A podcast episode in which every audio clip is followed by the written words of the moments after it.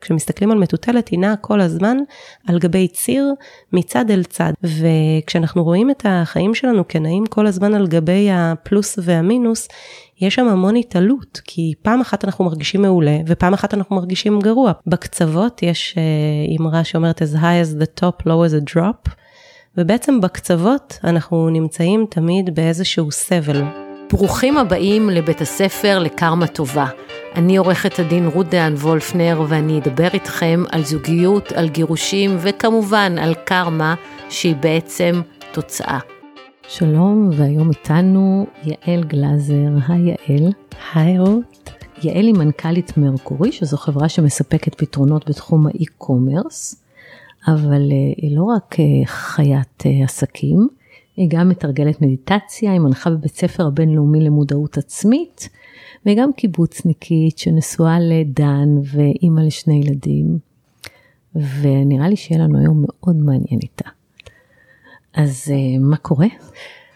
טוב, אני מתרגשת uh, להיות פה איתך. קורים דברים טובים. ספרי קצת איך התחלת את דרכך עם uh, מרקורי.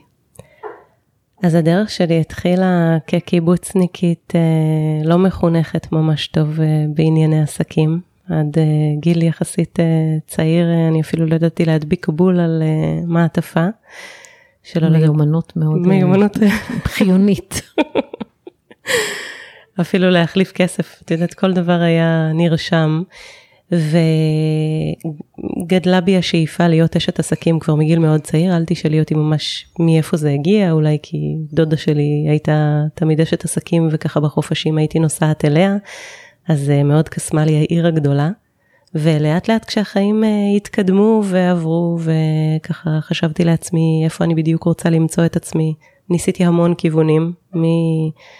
אה, מדריכת סימולטור מזל"טים בצבא לתחום של חברות ההייטק, מהר מאוד הבנתי שהייטק זה לא אני, אז הלכתי לתחום החינוך, ופחות או יותר בגיל 26 הבנתי שחינוך זה נהדר, רק שכנראה כלכלית זה לא ייתן לי את מה שאני מחפשת, ונזכרתי בסיפור שחברה סיפרה לי על שהיא מכרה גיליונות ראש אחד באי-ביי, וככה צללתי לעולם העסקים אה, דרך. האתר המוכר הזה שבדרך כלל קונים בו כל מיני אה, שטויות, אבל אה, הוא שימש אותי לפריצת הדרך הכלכלית הראשונה. בהתחלה מכרתי דברים מהבית, וממש ככה לאט לאט התפתחתי. מצאתי ספקים שמכרתי את המוצרים שלהם מכל רחבי העולם. אחרי כמה חודשים יכולתי להפסיק את העבודה בבית הספר ועברתי למכור באי-ביי באופן מלא. כעבור שנתיים בשלה בתוכי איזושהי בקשה לחזור לעולמות החינוך, אבל דרך מה שכבר עשיתי. אז התחלתי ללמד אנשים למכור באי-ביי. וככה הקמתי את ה... הייתי אומרת את העסק האולי אמיתי הראשון, או העסק שהיו בו איזשהו מגע של אנשים, עם אנשים מסביב. וב-2010 אה, יצאתי לדרך עם אה, אותו בית ספר שצמח וגדל ו... והתפתח ובזמן יחסית קצר הגיע לקהילה של למעלה מ-15 אלף אנשים שעברו אצלנו את הקורסים הגדולים ו-100 אלף איש שנרשמו אצלנו לכל המדריכים החינמים ולכל החומרים השונים וככה יצאתי לדרך, זה, זה סיפור מואץ אבל זה היה הסיפור שלי. ובמקביל את גם מתחילה להתפתח אה, מבחינת אה, מודעות עצמית ורוחניות ואיך זה משתלב ביחד הכסף והעסקים והדבר הזה. אני יודעת איך זה משתלב אבל בואי תספרי את הנקודה שלך. קצת לפני שהתחלתי את eBay מצאתי את עצמי בשנת, אה, באזור שנת 2005 אה, בדיוק אה, התחלתי לצאת עם דן, שהוא גם בן קיבוץ, אבל אנחנו אף פעם לא השקנו בגילאים, אז כי הוא שמונה שנים מבוגר ממני, אז את יודעת, ב- ביסודי כן. לא, ובחטיבה לא, וב... וכולי וכולי.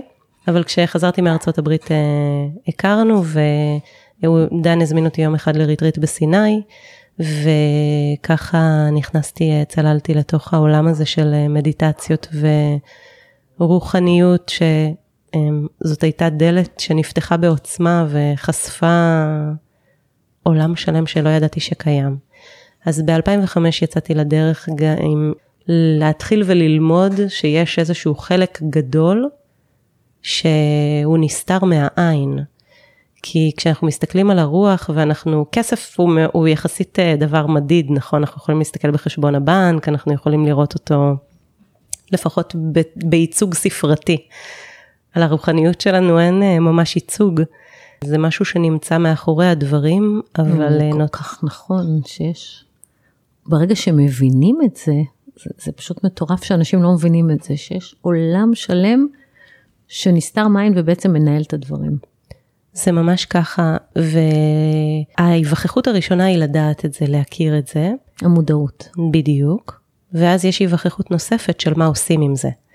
אז אני חושבת שיש, זה, זה כמו לעבור שלב ש, של הבנה כדי לדעת שיש קשר בין הדברים שאת עושה, לאיך שאת חושבת, למידה של השקט הפנימי או ההודיה שאת נמצאת בה לבין איך שהדברים קורים מחוץ לך. אמ, יש משפט שאומר שההוויה שלנו מזמנת את האירועים שאותם אנחנו פוגשים ביום יום. Mm, זה מאוד נכון. אז, אז ככל שאנחנו uh, מצליחים לגלם מבחינה פנימית uh, יכולת טובה יותר, ככה היא גם מתבטאת כלפי חוץ. אז התחלתי להבין שיש חוקים מסוימים שעומדים מאחורי הדברים. ו... ו... אני ו... זוכרת, דרך אגב, גם אני הבנתי את זה בשנת 2005. מה את אומרת? כן. באוגוסט 2005, פעם ראשונה קראתי את אבא עשיר אבא אני, וזה פתח לי את הדלת, ואחר כך לא יכולתי להפסיק לקרוא, ועד היום אני לומדת עדיין. אבל once את מבינה את זה, זה שוק. זה כאילו, אני זוכרת, היו לי את החיים שלי לפני והחיים אחרי, וזה ממש עולם אחר. כן, יש משהו שממש מזדעזע מבחינה פנימית כשמבינים שכמה לא הבנו. כן. זה כאילו שאנחנו הולכים ב... זה כאילו יש את ה front stage של החיים שלנו וה backstage.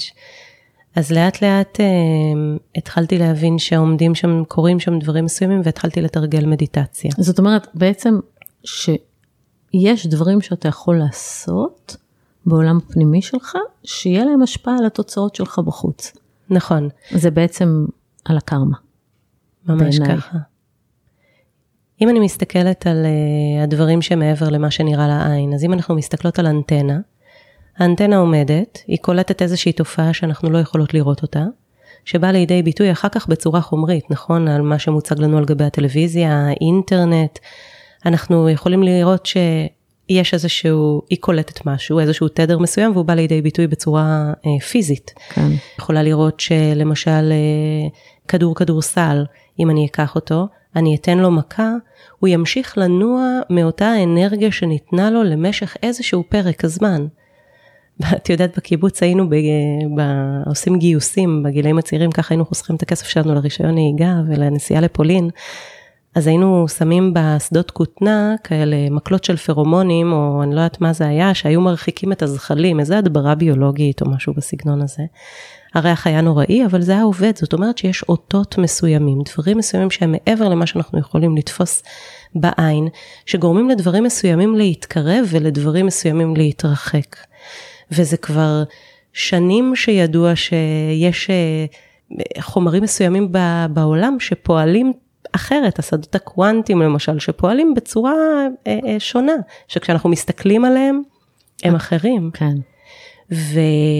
והדבר הזה, יש אנשים שפשוט זורקים את זה לתוך מיידית, שמים על זה את התיוג של הרוחניות, ואז אומרים, מה, זה לא קשור אליי. כן. אבל הדבר הזה מאוד קשור ויש לו השפעה מאוד גדולה על היום-יום ועל היכולת שלנו למגנט כסף, ועל היכולת שלנו למגנט הזוגיות, ועל היכולת שלנו למגנט עושר, ועל היכולת שלנו למגנט אה, חיים טובים יותר, ולמגנט בעצם את הדברים שאנחנו באמת רוצים. כן, על זה אני רוצה לשאול אותך, תקשיבי, אני ראיתי אותך עושה קורסים על בגנות וסרטונים וזה, כל כך עניין אותי להקשיב כי אני שנים מתעסקת עם זה. ואצלי אני עושה את זה דרך אה, מדיטציה, שגם לקח לי, זה לא נולדתי ממדיטציה, רק שהבנתי את המשמעות של זה, ווישן לקיאני זה שממנו למדת את המדיטציה, אומר שמדיטציה זה הדרך להשפיע על המציאות, הוא בנד ריאליטי. ושכשאתה מתפלל אתה מדבר עם אלוהים, וכשאתה עושה מדיטציה, אלוהים מדבר איתך. או היקום מדבר איתך, וזה נכון, כי אתה מצטלל ברמה כזאת שאתה מקבל תשובות, וגם באיזשהו דרך יש לזה יכולת להשפיע על התוצאות. נכון. ואת קוראת לזה מגנות. נכון, נכון, כי אני יכולה להגיד שהמדיטציה, בדיוק כמו שאת אומרת, היא יוצרת את המרחב, היא כאילו מאפסת את המערכת. ובתוך אה, איפוס שנייה אחת של המערכת, אנחנו יכולות לזוז רגע מכל אירועי היום-יום ולשאול את עצמנו מחדש, מה אנחנו רוצות באמת, וליצור מרחב. ואז בתוך המרחב הזה נולדת התפילה ונולדת ההודיה. וכשאנחנו נמצאות במימד הזה של אה, להגיד, אה, להגיד תודה, של להיות בהודיה על החיים, החיים תמיד משיבים תמורה, אז יש שם משהו מאוד מאוד גדול שקורה בתוך העולם הזה של המדיטציה, ובאופן כללי, הדבר הזה שאותו אני לומדת מפטריציו פאולטי כבר הרבה שנים, כבר 17 שנים. מי זה דבר... פטריציו פאולטי? פטריציו פאולטי הוא מייסד בית הספר אה, למודעות עצמית, הוא אדם מאמן אה, באמת אה, יוצא דופן בעשייה שלו בעולם. איך הגעת אליו? הגעתי אליו דרך דן, mm. דן בן זוגי. דן הגיע אל פטריציו דרך אה, סימניה שהוא מצא בספר, אה, שנקרא חיפוש אחר המופלא. שהוא ספר uh, כבר מלפני מאה שנים, מאוד, uh, מאוד מעניין. והוא ראה על הסימניה מספר טלפון והוא התקשר וככה הגיע לבית הספר וכשהכרתי אותו, אחרי כמה חודשים הוא הזמין אותי לבוא uh, לריטריט וככה הכרתי את הלימוד ועוד לפני הקורונה הייתי טסה המון לאיטליה, למרכז בית הספר שנמצא באסיזי. Um, אז פטריציו פאולטי עוסק בתחומים שונים של uh, אה, הייתי אומרת, העולמות של אה, לפתח, של פיתוח פוטנציאלים. דרך מכון לחקר המוח מאוד מעניין, שבעצם אה, מביא פרקטיקה של עולמות המודעות לתוך היום-יום, דרך הפילוסופיה, דרך המדע, דרך האומנות, דרך הכלכלה, בהרבה מאוד פעילות פילנטרופית גם ברחבי העולם, ועושה דברים מדהימים. ואת מדברת בסרטונים שלך על החוקים של המגנות, יש דבר כזה? אז uh, אני חושבת שכל מי שחי על פני כדור הארץ יודע שיש חוקים מסוימים שאנחנו כפופים להם. החוק הראשון זה חוק המשיכה, אם כן. ניקח בדיוק כל דבר שנעזוב אותו, את רצה. אני ראיתי, רואה פה לפי המדליות במשרד שאת רצה הרבה. ואם uh, תפסיקי לרוץ למשך איזשהו פרק זמן, הריצה הבאה שתעשי תהיה קשה, נכון? אני בדיוק שם עכשיו. אוקיי. אז אה, זו דוגמה מאוד טובה לחוק המשיכה, כשאנחנו לא מחזיקים משהו למעלה, הוא נופל אה, על פני כדור הארץ. וכמו החוק הזה, יש חוקים נוספים, יש חוקים של ניוטון, יש חוקי, המון המון חוקים. יש של... חוקים פיזיים ויש חוקים שהם מעבר לזה. נכון, והחוקים הפיזיים מביאים לידי ביטוי תמיד גם אה, חוקים רוחניים. ואנחנו נדבר על זה עכשיו, נדבר על חוקים שהם לא חוקים אה, הייתי אומרת איזשהו בולשיט רוחני. תמיד נעלבים ממני שאני אומרת בולשיט רוחני, אבל אני מאוד בתוך הרוחניות. אבל אני אומרת שזה לא הדברים האלה של, את יודעת, איזושהי קליש, קלישאה, אלא מקום שאפשר מאוד להעמיק בתוכו. ו, ובעצם החוקים האלה הם חוקים שבאים לידי ביטוי גם מבחינה פיזיקלית. אז uh, אנחנו נביא אותם uh, לתוך החיבור הזה. אז יאללה, בואי נדבר, מה, מה החוק הראשון? החוק הראשון שאנחנו נדבר עליו זה החוק של המטוטלת.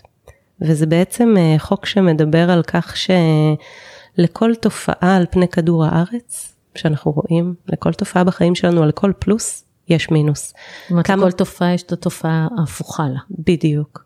כמה פעמים הרגשנו מדהים שקמנו בבוקר, היה נהדר, ואז באמצע היום קרה משהו ואמרנו, דאם, כאילו, איך?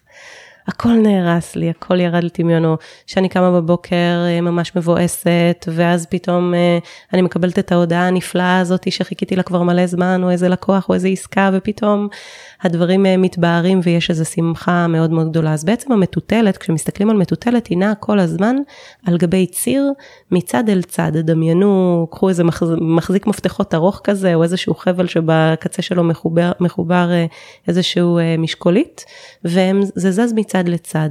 וכשאנחנו רואים את החיים שלנו כנעים כל הזמן על גבי הפלוס והמינוס, יש שם המון התעלות, כי פעם אחת אנחנו מרגישים מעולה, ופעם אחת אנחנו מרגישים גרוע, פעם אחת אנחנו על פסגה של הר, ופעם אחת אנחנו מקללים את החיים ושואלים את עצמנו, למה זה מגיע לי, ולמה החיים מתאכזרים אליי, ואני לא רוצה לחיות את החיים שלי ככה, ומיליון דברים שאנחנו מוצאים את עצמנו, אה, אולי קצת מקללים את ה... אה, את החיים שלנו. ובעצם ואיך זה עוזר לנו למגנות? או אז זה לא עוזר לנו זה בדיוק הדבר שמרחיק אותנו מהמגנות כי בקצוות יש אה, אמרה שאומרת as high as the top, low as a drop, ובעצם בקצוות אנחנו נמצאים תמיד באיזשהו סבל. לאט לאט העבודה בתוך המדיטציה מקרבת אותנו למרכז, אז המטרה שלנו זה על גבי הציר של המטוטלת לאט לאט לטפס, ובעצם לשים את הקצוות טיפה פחות אה, בקיצוניות, טיפה פחות בפלוס היסטרי ובלואו היסטרי, ולהתחיל ולמצוא איזה שהם, אה, איזשהו חלק יותר מרכזי. ככל שאנחנו מצליחים ביום יום למצוא יותר את המרכזי, ככה גם החיים אה, מוצאים אותנו אה, במקום חיובי ומשיבים לנו את אותו המקום החיובי. אז הייתי אומרת שחוק המטוטלת, ההבנה שלו, ההכרה בו, היא יכולה לשים בתוכנו את הרעיון ש... אוקיי, תמיד מגיע גם החלק השני. אני אתן לך דוגמה.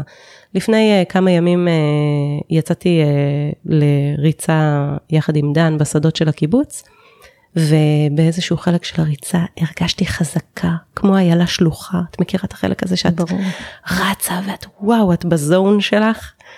ואז עולה בי חלק שאומר, יעל, את בזון שלך, אבל בסיום תזכרי שיש לך את העלייה הזאת בדרך חזרה לקיבוץ, יש סיכוי ששם כאילו את תחווי איזה רגע של קושי. זכרתי את זה שיגיע הרגע של הקושי, ובעצם כשהעלייה התחילה, מצאתי את עצמי על דופק סופר גבוה, מצאתי את עצמי עם כאבים, מצאתי את עצמי רק רוצה לעצור. אמרתי לעצמי, את רואה יעל? זה הצד השני של המטוטלת. היית בהתחלה בפלוס, עכשיו את במינוס. עכשיו, עצם ההיווכחות בזה, ולדעת שזה בסך הכל רגע של קושי, כמו שיש את הרגע של התהילה, אפשרה לי לסיים את הריצה. אז זה היה דבר שהוא מאוד מאוד uh, משמעותי מבחינתי, וביום יום, גם כשאנחנו נתקלים באיזה שהם רגעים קשים, אנחנו יכולים להגיד לעצמנו, אוקיי, זה רגע אחד. כי החוק עובד תמיד. ואת יודעת מה היתרון שאנחנו ברגע קשה, מי שמקשיב לנו כרגע ונמצא באיזשהו רגע של קושי? שהוא יכול לדעת שכשהמטוטלת הגיעה למינוס, היא כבר בתנועה שלה אל עבר הפלוס, אז זה אומר שעוד מעט מגיע משהו ממש טוב. ואם משהו טוב אז אנחנו צריכים לדעת שעוד מעט יגיע משהו רע, זה מפחיד קצת. אנחנו צריכים לשים את ה... לשים, לשים את ה... אה, להיות בתשומת לב הייתי אומרת. להיות בתשומת לב. כי הרבה פעמים אנחנו בטוב נוטים אה, להתמסר וברע אנחנו נוטים אה, לנסות לברוח. אז זה לא זה ולא זה, אלא לחפש משהו הרבה יותר מרכזי. והמדיטציה נותנת לנו את הכלי הזה. אוקיי, מה החוק השני של המגנות? החוק השני של המגנות נקרא חוק התמורה. הוא ביטוי של אותו חוק הפלוס והמינוס, אבל חוק התמורה בעצם מדבר, והרבה מחקרים היום מראים, שאנשים שנמצאים באיזה שהם אה, אה, מקומות של נתינה, ושתורמים מהזמן שלהם. יש מחקר מאוד יפה על סטודנטים שחילקו את הכסף אה, שלהם וממש ראו אה, תוצאה מאוד מאוד מאוד ברורה של רמת עושר שעולה. זאת אומרת שכשאנחנו נמצאים בתוך מימד של עשייה, שאנחנו נותנים מבלי איזושהי ציפייה לקבל, כי הדרך הלא נכונה לתת הזה להגיד, רגע, אבל מה איתי? עכשיו מגיע גם לי, אבל כשאנחנו נותנים ומצליחים להיות במקום הזה של הנתינה, אז אנחנו אה, גם מקבלים אה, בחזרה. וזה דבר שהוא מאוד מאוד משמעותי, ואני חושבת שאם אה, אנחנו לא מקבלים מספיק, אנחנו צריכים לחשוב איך אפשר לתת קצת יותר. את רואה את זה, את המקום הזה, בטח הרבה ב... אני, אני די מהר, אה, בתחילת ההתפתחות האישית שלי, אמרתי לך שקרא, הספר הראשון שקראתי היה בעשיר אבא אני, ושם הוא אומר שתרומת כסף הוא סודן של המשפחות העשירות. והוא מדבר, רוברט קיוסקי, שמה שרוצים לקבל צריך לתת קודם. וזה ככה. וזה זה, זה מאוד נכון, זאת אומרת, אני אז התחלתי, אמרתי, אוקיי, מה אני רוצה לקבל? אני הכי רוצה לקבל תיקים, והתחלתי להתנדב בפרויקט פרו בונו של לשכת עורכי דין, וזו הייתה התחלת אה, הקמת המשרד המצליח יחסית. אה, זה התחיל קודם כל בהבנה שאני צריכה להתנדב. אז גם השותף שלי במרקורי, אחד מהדברים היפים מאוד שהוא עושה ומדבר, בגלל שהוא ממרום גילו כבר אה, יכול נמצא באיזשהו מקום אה, שונה שכבר עבר את ה... ונמצא במקום של רק להיות בנתינה. הוא, זה אחד השיעורים שככה הוא כל הזמן העסקיים של לעשות פרויקטים שהם של פרו-בון או להיות בתוך המקום הזה שנותן ולא מצפה ו, ו, וזה מדהים לראות את זה אה, עובד. לפעמים אנחנו אולי חוטאים לחוק הזה כי אנחנו מצפים באופן מיידי לקבל. לפעמים זה לוקח זמן, הבשלות מגיעה, אבל אה, זה יכול להיות היום, זה יכול להיות מחר, אבל חוק הוא חוק. זה כמו שאני אומרת, תעשו טוב, תקבלו טוב, וגם אם זה בשוטף פלוס 30, הקרמה בסוף עובדת.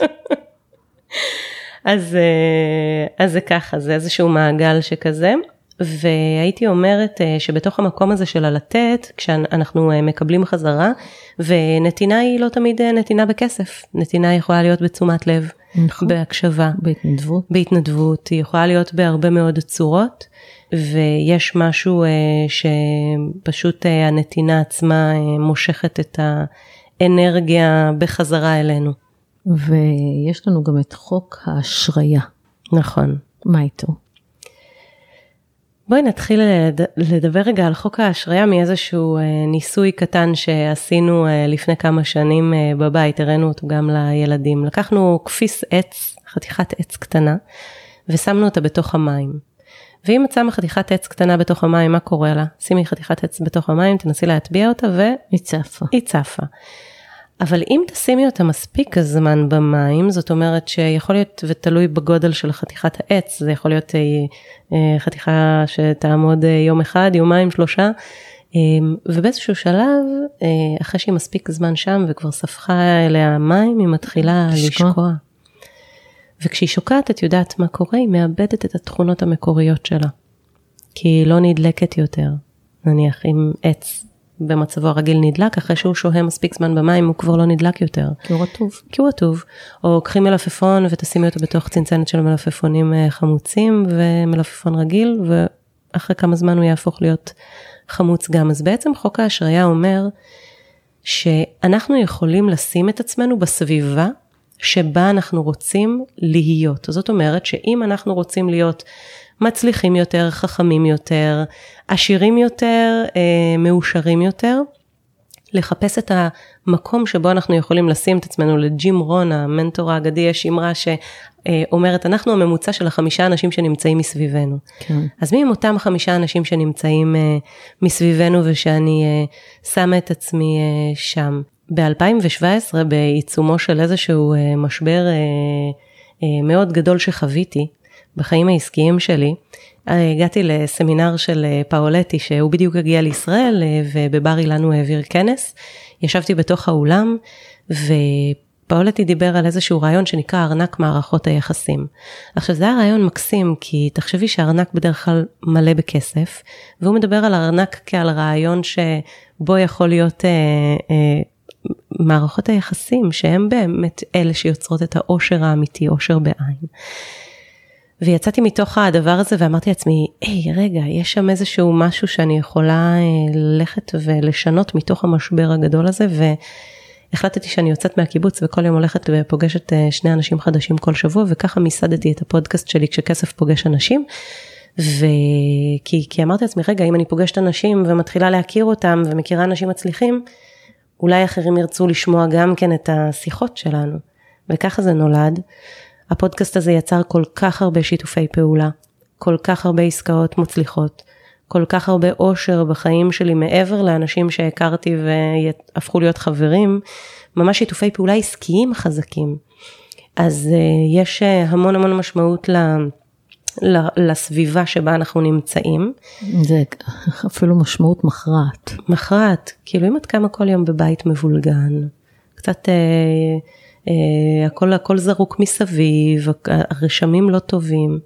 הרגש שלנו משתנה כשאנחנו נמצאים במקום שהאנרגיות בו גרועות ואיך האנרגיה שלנו גוועת כשאנחנו נכנסים לאיזה קתדרלה מדהימה או לאיזה מוזיאון יוצא דופן וכולי וכולי אז הסביבה שלנו יש בה המון וכשאנחנו שמים את עצמנו בסביבה המתאימה אנחנו גם ממגנטים אלינו את אותם הדברים שהסביבה אה, יוצרת. אנחנו הופכים להיות הסביבה, והסביבה הופכת להיות אה, אנחנו. חוק הראייה קדימה.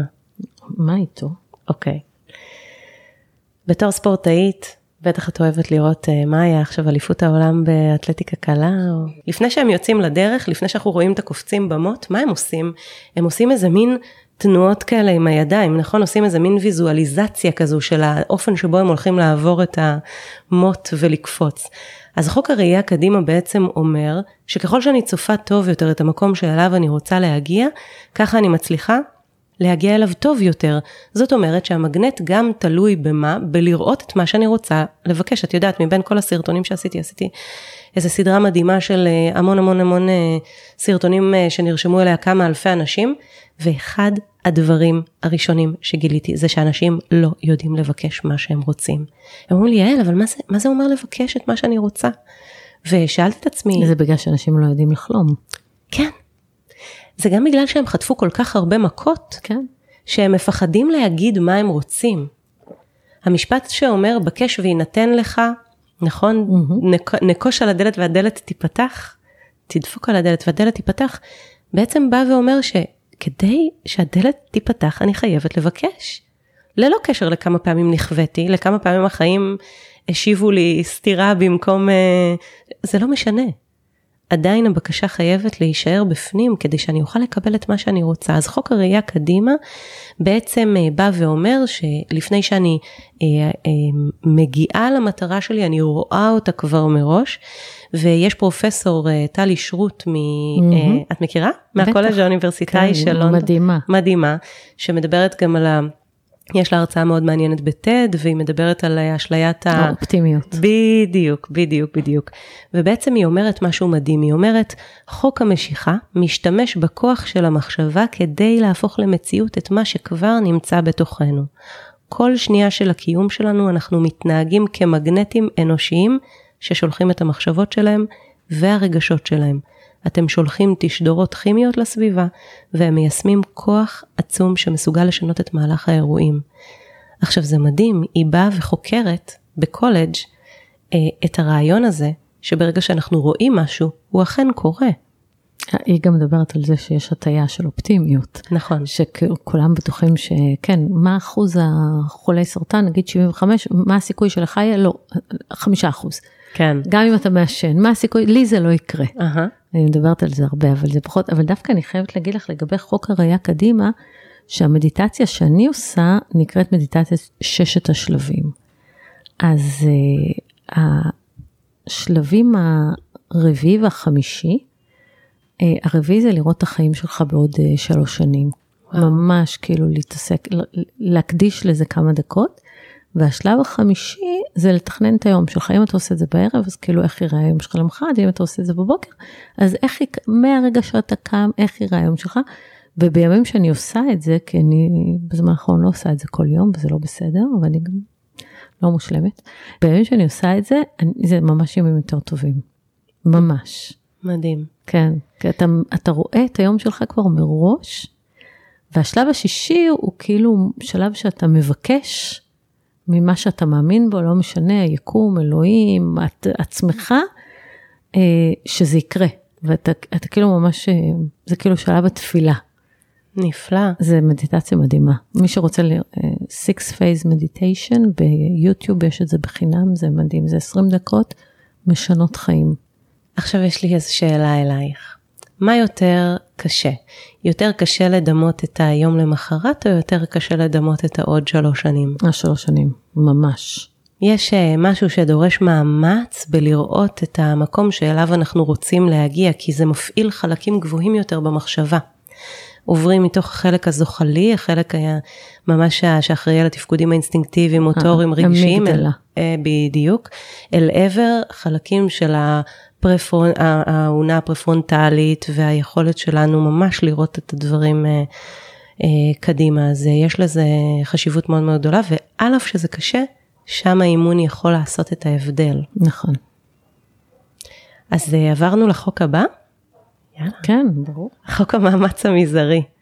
אז uh, יש איזושהי אמרה שאומרת, uh, המים זורמים בדרך הקצרה ביותר אל הים. זאת אומרת שאם אנחנו מסתכלים על הטבע, אנחנו רואים שהדברים תמיד נעשים בצורה הפשוטה ביותר.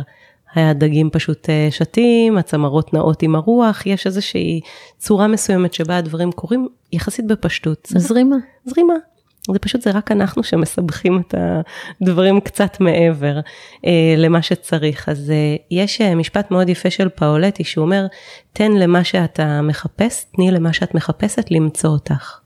וזה אומר שכמגנט, הרבה פעמים אנחנו לא צריכים להיות אקטיביים ביום יום, אלא לפעמים רק לעמוד במקום הנכון, במרכז, ה... במקום הנכון והזרם מגיע ונושא אותך יחד איתו. עכשיו זה דבר שלפעמים קשה להבין, אבל אמ, בין היתר אני מייעצת אה, עסקית גם לחברות ואני פוגשת לפעמים אה, מנכ"ליות שבאות אליי ואומרות לי, יעל, יש לי את המטרה הזאת, ואני כאילו, והחודש עובר, ואני עוד לא, והדברים עוד לא זזים, ויש כל מיני קשיים וכולי, ואז אני אומרת לה, תקשיבי, תעצרי, תתרגלי מדיטציה, כי זה חלק ממה שאנחנו, אה, אה, שאני מאמנת גם את המנכ"ליות, ובעצם אני אומרת להם, תעצרו, לכו תעשו משהו שאתם אוהבות, לכו תרוצו, לכו תעשו. ובעצירה הזאת, פתאום קורה קסם. זה קשור גם לחוק שעוד מעט נדבר עליו, אבל המקום הזה של להיות במקום הנכון ולתת לדברים להגיע אלינו, זה דורש שני דברים, אחד לפעמים להפסיק לעשות, ושתיים להיות במקום הנכון. יש נקודה בחיים, ואני חושבת שאני קוראת על זה הרבה בפוסטים הנפלאים שלך שאני קוראת על אה, אנשים שמצאו את עצמם הרבה זמן לא במקום. ובעצם אה, החיים נותנים לנו כל הזמן מראה אם אנחנו במקום הנכון או לא במקום הנכון, נכון? זה האושר כן. שלנו נותן לנו את התשובה המיידית לזה, אם אנחנו במקום או לא במקום. ולפעמים אנחנו צריכים לזוז ויודעים הרבה זמן שאנחנו צריכים לזוז ממקום לא טוב, אבל לא מצליחים לעשות את התזוזה הזאת. נכון. אבל יש לנו איזושהי ידיעה פנימית. אז הידיעה הזו נחזק אותה גם בהבנה שכשעושים את המדיטציה של השישה שלבים, או כל מדיטציה אחרת, או ראייה קדימה, לראות את עצמי כבר במקום החדש הזה. כי זה שהיום אני אולי לא במקום טוב, זה לא אומר שאני לא יכולה לדמיין אחרת, לראות אחרת, ומשם מתחילה התזוזה הפנימית, מלראות את איך שהדברים יהיו. אז חוק המאמץ המזערי אומר לעשות פחות, לראות יותר ולתת לדברים לזרום בצורה ככה... אה, אבל אני, תגידי, אני, מה שאני יודעת, זה שזה לא מספיק רק לראות את הדברים ולחכות שלא יקרו, אלא צריך לעשות גם, צריך, צריך שיהיה תוכנית. צריך לעשות, אם אתה רוצה שיגיע לך משהו, צריך לעשות. אז איך זה מסתדר עם מאמץ מזערי? או שאת מתכוונת שכאילו, אם אתה מתאמץ מאוד על משהו והוא לא קורה, תשחרר אותו. אני חושבת שיש נטייה לדברים שלפעמים כשאנחנו אה, רוצים אותם מאוד, אנחנו אה, מפעילים איזשהו כוח. אמנם לא חוק שאני אה, מבין החוקים של המגנט, אבל גם אפשר לדבר עליו, החוק השלישי של ניוטון. בא ואומר שכל מאמץ שאנחנו מפעילים, מופעל מאמץ נגדי בכיוון הפוך, שווה לו. לפעמים שאנחנו נורא רוצים משהו והדברים מתרחקים מאיתנו, לפעמים צריך לשחרר אותם, ואז הם מגיעים. ו, ואני חושבת שלפעמים אנחנו עובדים ביום יום הרבה יותר קשה ממה שאנחנו צריכים בשביל אותה התוצאה. אמ, ו... ו, וגישה נכונה יכולה להפיק אה, את אותו המאמץ שאולי אה, אנחנו עובדים מאוד מאוד מאוד קשה בלעשות ולעשות ולעשות ולעשות, לפעמים אפשר לעצור אבל להיות בגישה הפנימית הנכונה והדברים קורים, זה לא תחליף לעשייה. אני חושבת שזה לא תירוץ לשבת בבית כל היום על המיטה ולהגות אום אום אום ושהדברים יקרו. אה, זה, זה פשוט במקום שאתם מתאמצים מאוד וזה לא קורה, זה לשחרר. נכון. ואז יש יותר סיכוי שזה יקרה. זה גם קורה ככה, את יודעת, עם uh, זוגיות, כאלה שמתייאשים כבר ופתאום הם הולכים למכולת ומוצאים את אהבת חייהם. נכון. או זוגות שמנסים מאוד מאוד מאוד להיכנס להיריון ואז מחליטים לאמץ ואז נכנסים להיריון. נכון. שמשחררים משהו שכאילו יש איזו תקיעות, עוזבים את זה רגע, ואז זה קורה איכשהו. נכון. אם זה צריך לקרות. נכון, נכון, נכון, זה ממש ככה. וזה מוביל אותנו לחוק ההיפרדות. אז uh, אנחנו רואים שהעולם סביבנו שואף לאיזשהו מאוסטזיס של השוואת לחצים, והרבה פעמים כדי שמשהו חדש יוכל להיכנס, אנחנו נדרשים לשחרר משהו ישן. או, בואי נדבר על זה, מה צריך לשחרר? צריך, אה, אני חושבת, אה, זה, זה קשה, כי אף פעם, כש, כשנותנים עצות, בעיקר אה, לחיים, זה אף פעם לא יכול להיות משהו טוטאלי. הדברים הם אף פעם לא תמיד, אף פעם לא תמיד, זה משפט מעניין. וכשאנחנו מסתכלים על מה אנחנו רוצים לשחרר, את מה שמהווה משקולת על החיים שלנו. בדיוק. ולאורך זמן. עכשיו... אבל לא תמיד אנחנו יודעים שאנחנו סוחבים משקולת. אני אתן לך למשל דוגמה, שהיא בכלל לא קשורה לשום דבר רוחני, אבל כשאני התחלתי לטפס את הקלימנג'ארו, אז הם אומרים, תסחבו מינימום. אני הייתי בטוחה שאני סוחבת מינימום, מה? סוללה לאייפון, קרם הגנה, כמובן מים חייבים, חולצה להחלפה, אה, lipstick שנראה, קיצור, הזיה. ביום הראשון, אחרי שלוש שעות של טיפוס, ליפסטיק לקלימנג'ארו, אני... אה, שפתון כזה. ביום הראשון, וחטיפים, ואת כל החטיפים על הגב, בואי, אני סחבתי, מה שנקרא, המינימום שלי זה לא המינימום של הקלימנג'ארו. וביום הראשון, אמ, אחרי שלוש שעות, אמרתי לעצמי, וואי, מלא דברים שנראו לי חיונים שיצאתי לדרך, אני חייבת לשחרר, כי כשאני מטפסת, הם משקולת על הגב שלי. ואז נזכרתי גם באנשים ששחררתי מהחיים שלי, והייתי בטוחה המון זמן שאני לא יכולה בלעדיהם, ובאיזשהו שלב הם הפכו להיות משקולת על הגב שלי. וזה נכון מדי פעם, בעיקר כשנמצאים בעלייה, לעצור רגע ולהיפרד מדברים שיכול להיות שבתחילת דרך היו נראים לנו מאוד מאוד חיוניים לנו ואנחנו לא יכולים בלעדיהם, ובאיזשהו שלב הם הופכים להיות משקולת. זה גם הרגלים וזה גם אמונות מעכבות וזה גם פחדים, זה גם אנשים, ו, וזה גם חפצים לפעמים, אבל ב, וגם מקומות עבודה. באמת, הרבה מאוד פעמים צריך לעצור רגע ולראות ממה אנחנו נפרדים, מה עוצר אותנו. הנקודה בלשחרר דברים ישנים זה הפחד. זה מאוד מפחיד לשחרר את ה... כי אבל... אתה לא קולט שזה משקולת. נכון. אתה בטוח שאתה לא יכול בלעד... בלי זה. מה תעשה בלי זה?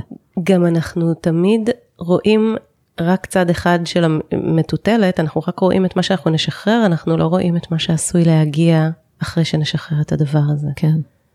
כי ברגע שאנחנו משחררים משהו שלא עובד, נפתחת הדלת ולפני uh, כמה ימים קיימתי ראיון עם uh, אוהד מימון שהוא מנכ"ל uh, חברת הייב ודיברנו על שינוי וכמה קשה לעשות שינוי, הוא מזה גר בחברות סליקה מאוד גדולות וכולי וכולי ואחד מהדברים המעניינים שסיפרתי לו שם זה שאחרי המון שנים כבעלת חברה שעסקה בתחום הידע בללמד, הרגשתי שאני לא יכולה יותר. עכשיו הרגשתי את זה כבר הרבה זמן.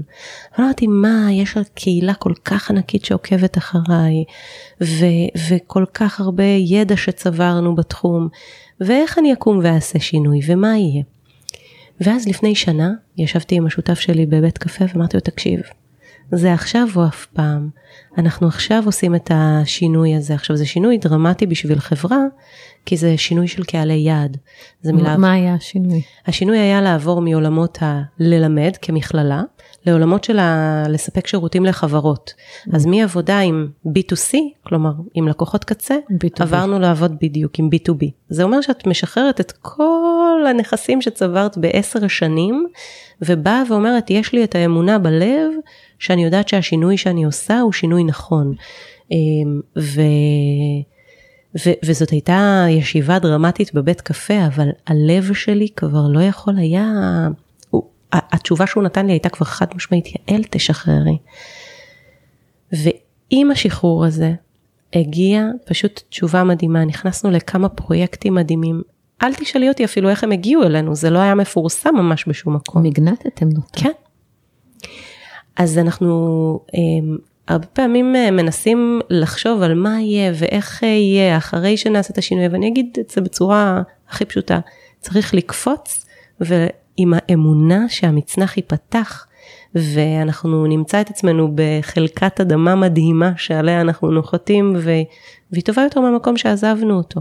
טוב, אם כל אחד היה יכול להאמין בזה, זה היה יותר קל, אבל רוב האנשים מנהלים אותם פחדים. נכון, אני אה, מסכימה איתך, ופה המדיטציה גם מאוד מאוד uh, תורמת, כי היא מאפשרת לנו uh, לנוע מתוואים ישנים שלנו אל עבר, אה, הייתי אומרת שזה חורש את התלמים באיזשהו אופן, אנחנו כמו עבודה של אה, אה, טרקטור בשדה שחורש את, ה, את התלם ובעצם מאפשר לנו ליצור איזשהו עולם חדש בתוכנו. כי המדיטציה ממיסה את הפחדים, ממש ממוססת אותם. ודרך השקט, המימד של השקט הוא מימד מרפא. כן, ואם מצליחים להתמיד בזה, למה זה כל כך קשה לעשות מדיטציה? זה לא קשה לעשות מדיטציה, זה קשה כאילו להחליט שנכנסים לזה כל יום, כל יום. נכון, אז הטריק הוא לעשות את זה או מוקדם, להכניס את זה כהרגל, כלומר מוקדם בבוקר, לפני כל דבר אחר, לפני שפתחתי את הטלפון לראות אה, וואטסאפים, סושיאלס אה, וכל זה, אני מתיישבת למדיטציה. את עושה בישיבה מדיטציה? אני עושה בשכיבה תמיד. בשכיבה? כן. ואת לא נרדמת? לפעמים כן, אבל זה בסדר. כן. אז uh, אני עושה בישיבה, uh, ולפעמים בשכיבה זה גם בסדר גמור, uh, לפעמים גם על כיסא, עם כובד לברכיים או משהו כזה. אז יש כל מיני תנוחות שהן תנוחות שיכולות להועיל. אבל המדיטציה היא קשה כי היא דורשת, כי, כי עבודה, זה כמו שריצה זה דבר קשה, כן, נכון? כן, זה עבודה, אה? זה עבודה, אבל זו עבודה כל כך משתלמת. משתלמת. כמו ריצה באמת. כמו ריצה. כן, ולא יש... תמיד יש כוח לקום לרוץ. לא, לא תמיד. היופי במדיטציה, פאולטי פיתח uh, שיטה שנקראת אום, uh, שזה קיצור של uh, OMM, שזה one minute meditation, שזו שיטה מדהימה. one minute. one minute meditation, שעוברת בעצם על חמישה שלבים, שזה על, כמו על כף היד, מהאגודל עד האצבע, המק, מיצה וזרת, כל אחת מהן מסמנת משהו אחר. זה ספרון קטן שמסכם 40 שנים שבהם uh, הוא מאמן ו... הוא מתרגל מדיטציה מגיל חמש, יש לו סיפור חיים מאוד מאוד מעניין, והוא מסכם את הכל בספרון הקטן הזה שהוא גם רב מכר בעולם ונמכר פה בישראל. ובעצם הוא בא ואומר שבדקה אחת את יכולה אה, לעשות, ליצור היפוך. את יכולה לחוש ערנית, את יכולה לסלוח, תחשבי כמה דברים יכולים לקרות בדקה. מישהו יכול להגיד למישהי שהוא אוהב אותה, אה, כוס יכולה להישבר, אה, יכולה לקרות תאונה חלילה, מלא דברים יכולים לקרות בדקה. נכון. אז דקה זה זמן נורא משמעותי, ואנחנו יכולים לעשות בו המון. אז לא צריך ללכת רחוק, להתבודד על פסקה של הר ולעשות המון מדיטציה. דקה אחת, ואם הבאתי את אימא שלי לעשות מדיטציה, תאמיני לי, כולם יכולים. על דקה אני יכולה לחתום, אני בדרך כלל מדברת על 20 דקות. כן, כן, אני, אני, אני מבינה את זה, אבל צריך להתחיל מאיפשהו וממידה שהיא מידה אפשרית. כן. אז זו, זו המדיטציה של הדקה. והחוק האחרון הוא חוק שאני מאוד אוהבת, כי הוא חוק הבשלות. הוא בעצם אה, מדבר על זה שלכל אה, דבר בטבע יש את הזמן שלו, נכון? אפילו בקהלת אה, אנחנו רואים שנאמר לכל זמן ועת לכל חפץ תחת השמיים. אז uh, הרבה פעמים אנחנו מודדים את הדברים בפרק זמן קצר, אנחנו מבקשים משהו ואנחנו רוצים שעכשיו המשהו הזה יגיע. מיד זה יקרה. מיד זה יקרה. אבל כמה זמן לוקח לזרע מהרגע שהוא אה, נזרע באדמה ועד שהגיע עץ ופירות? כמה שנים טובות. והיה צריך לדשן אותו ולהשקות אותו ושהשמש תאיר אותו ותחיה וממש להתנהג אליו טוב כדי שהוא יביא את הפרי הנפלא שלו. אז uh, בגלל שהיום יום שלנו בחיים שלנו אנחנו ממש, uh, החוקים שפועלים עלינו הם ממש אותם החוקים כמו חוקי הטבע, אז uh, ההבנה של הדברים יש את הזמן שלהם היא מאוד משמעותית, היא נותנת שקט מסוים. הלחץ הוא לא יוצר מגנטיות. הרבה, הרבה מאוד אנשים לא מבינים את זה, אני רואה את זה המון בגירושים, שצד אחד נגיד רוצה להתגרש, והצד השני לא בכיוון בכלל, הוא לא בשל. ואז מנסים לכפות איזשהו הסכם, ומה קורה, ואני רוצה כבר שהוא יצא מהבית, או אני, אני, אני חייב לחתום עכשיו על הסכם, ובוא נמכור את הבית. היא לא בכיוון, הוא לא בכיוון, הם לא, הם לא מבינים בכלל מה נפל עליהם. ואני תמיד אומרת, אם לא תהיה בשלות, לא יהיה הסכם. הליכים משפטיים אפשר לכפות על בן אדם גם כשהוא לא בשל, ואז גם בהליכים משפטיים זה ייקח שנים. אבל אם מחכים שנייה ונותנים לבן אדם את הזמן להבשיל לתוך הרעיון, ההסכם יכול לבוא הרבה יותר מהר. מדהים.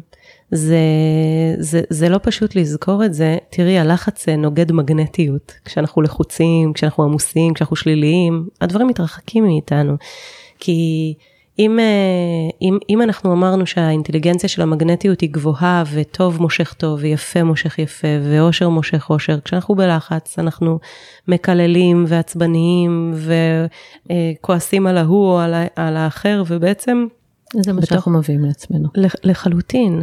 אני לא יכולה לצפות שכל היום אני אה, אבקש טוב וטוב וטוב, ואז בערב אני אצא מהכלים, וכאילו אני לא אבין למה הדברים שקורים לי ביום יום הם, הם עדיין לא המקום שבו אני רוצה שהם אה, יהיו, ובתוך האלמנט הזה הסבלנות היא מאוד חשובה, ולכן חוק ההבשלה אה, נותן לדברים זמן כדי להגיע, בגלל זה יש לך במדיטציה שלוש שנים, זה זמן כדי לתת לחלום מסוים להתגבש ולהתממש ו, ו, ולהתגשם. תגידי, יעל, איך את משלבת את העולמות האלה של הרוח, של המודעות העצמית, עם העסקים? זה נמצא בכל מקום שבו אני... תני לי דוגמאות. אני אתן לך דוגמאות. אני חושבת שהמקומות, כל אחד יש לו מקומות שבהם הוא צריך לעבוד על עצמו. אה, לי למשל יש מקומות שבהם אה, אחד מהדברים שהם קשים לי זה למשל אה, לקבל אה, איזושהי ביקורת. ממש לא מזמן, לפני כמה ימים קיבלתי איזושהי ביקורת על משהו מסוים שעשיתי. זו הייתה ביקורת ממש ככה, שנפלה עליי out of nowhere, לא ראיתי אותה מגיעה. ו... לפנים, מה לפ... שנקרא. לפנים. ולקח לקח לי אה, כמה זמן אה, להתאושש מזה, אני ממש ראיתי את עצמי, ראיתי את כל המסלול של איך הסתירה הזאת היא מגיעה, את מכירה שבתוך אה, סרט מישהו חוטף סתירה. ובסלואו מושן הפנים זוזות יחד עם הסתירה. אז ראיתי את עצמי נכנסת ללחץ. ומגיבה ושואלת ו- וממש ככה מרגישה שקצת הקרקע רועדת מתחת לרגליים. כשאנחנו עושים את העבודה של הפנימית של ההתפתחות, אנחנו לא צופים שנהיה בודה מה, מהיום הראשון. את יודעת, הבודה נולד עם איקס תכונות uh, מסוימות שכבר כבר עוד לפני שהוא נולד, uh, הוא נולד עם אותן התכונות uh, uh, שהפכו אותו להיות הבודה. אז, uh, אבל uh, היכולת שלנו לאט לאט לצמצם טווחים, כלומר להבין שאני בתגובה לא נכונה ולהגיב uh, היטב. נכנסתי לתוך איזשהו, ראיתי את הדבר הזה קורה, ואז ישבתי וכתבתי לעצמי מה אני רואה, מה אני מרגישה ומה הסיטואציה שאני רוצה ליצור. השאלה הזאת היא מחדש, הראייה קדימה, איזה סיטואציה אני רוצה ליצור, יצרה לי את כל סדר השלבים של איך אני בעצם אה, רוצה להגיב ולפתור את זה. ואני יכולה להגיד לך שהפתרון היה כל כך פשוט. הוא היה כל כך פשוט, אבל בתוך הלחץ סיבכתי את הדברים. אז זה לקח קצת זמן כדי לפתוח ולפרום ו- ולמצוא את הסדר הנכון, אבל הדבר הזה נפתר והרבה הרבה הרבה יותר מהר. אז דוגמה אחת זה האופן שבו אנחנו אה, מגיבים לדברים. דוגמה נוספת זה מקומות שבהם אה, זה היכולת אה, להניע אנשים לתוך, בתוך תהליך. כלומר, העולמות הרוחניים פוגשים אותי כשאני פוגשת אנשים בתוך היום יום שצריכים לעשות תהליך עסקי. ואז זה מאפשר להם לזוז, זה מאפשר להם יותר אה, אה, אורך רוח, יותר יכולת אה, להשתנות. אז, אה, אז אני חושבת שזה במפגש עם האנשים, וזה במפגש עם אירועים, שלפעמים הם אירועים מטלטלים. אה, כן, הייתי אומרת, כל הזמן, כל הזמן זה נמצא שם. ואיך זה מתקשר אצלך לכסף? אז אני חושבת ש... כסף פוגש אנשים. כסף פוגש אנשים. אתה, בגלל המצב שהקיבוץ היה בו כשהייתי צעירה, נורא נורא רציתי כסף. ומרוב שרציתי כסף, התחלתי את השידור הזה בלספר לך שכחלק מהחיים העסקיים שלי, ממש באמצע הדרך, אה, הפסדתי שני מיליון שקל. אז אה, זה היה ככה מאוד, דוגמה מאוד טובה למקום הזה של אה, שהרגשתי שמרוב שרציתי ופעלתי בכיוון, פספסתי נקודה מאוד מרכזית שגרמה לי להפסד כלכלי אה, גדול. אבל מהרגע שהבנתי את הנקודה הזו של איפה טעיתי, וכמו שאמרתי קודם, זה שאנחנו עושים כניסה פנימה זה לא אומר שאנחנו חפים מטעויות, זה רק אומר שאנחנו יכולים ללמוד טוב יותר איך uh, להשתפר. והמפגש הזה עם הכסף uh, הוא מדהים, כי הוא בעצם uh, בא ואומר, uh, uh, יש, יש לי, אני בשקט לגבי הכסף, אני עושה את הדברים היטב, והדברים מגיעים. יש איזה ספר מאוד יפה של תרזה מאבילה שנקרא עתירה הפנימית, והיא מספרת שם על החדרים הפנימיים של המדיטציה, ספר מאוד עמוק, והיא מספרת שאלוהים מתגלה לפניה באיזשהו רגע, והיא אומר לה, היא אומרת לו מה יהיה, איך אני, איך אני אסתדר, אז הוא אומר לה, אה, איך אני אסתדר עם כסף וכולי, אז הוא אומר לה, את תדאגי לעניינים שלך ואני אדאג לעניינים שלי. וכאילו הוא בא ואומר לה, הכל יהיה בסדר. אז גיליתי שברגע שאנחנו אה, משחררים את השליטה החזקה הזו ועושים את הדברים היטב, מברכים את היום יום, פועלים עבור האחר, נמצאים בתוך מקום של השפה הנכונה, זזים מהר מטעויות, מקדישים את עצמנו לתוך ה-well-being שלנו של אה, להיות בתוך השקט, החיים מחזירים לך את התשובות אה, מאוד מאוד מהר, מגיעים לקוחות, מגיעים אה, פרויקטים, מגיעות עסקאות, ואני יכולה גם להגיד לך שהרמת איכות שלהם היא גבוהה, בזכות זה. הדבר אולי הגדול ביותר שהעבודה הפנימית מאפשרת זה לתת איכות גבוהה של עבודה. לגמרי מסכימה. טוב, זה היה מאלף, יעל. המון תודה. תודה לך. ונתראה בפרק הבא. ביי. ביי ביי.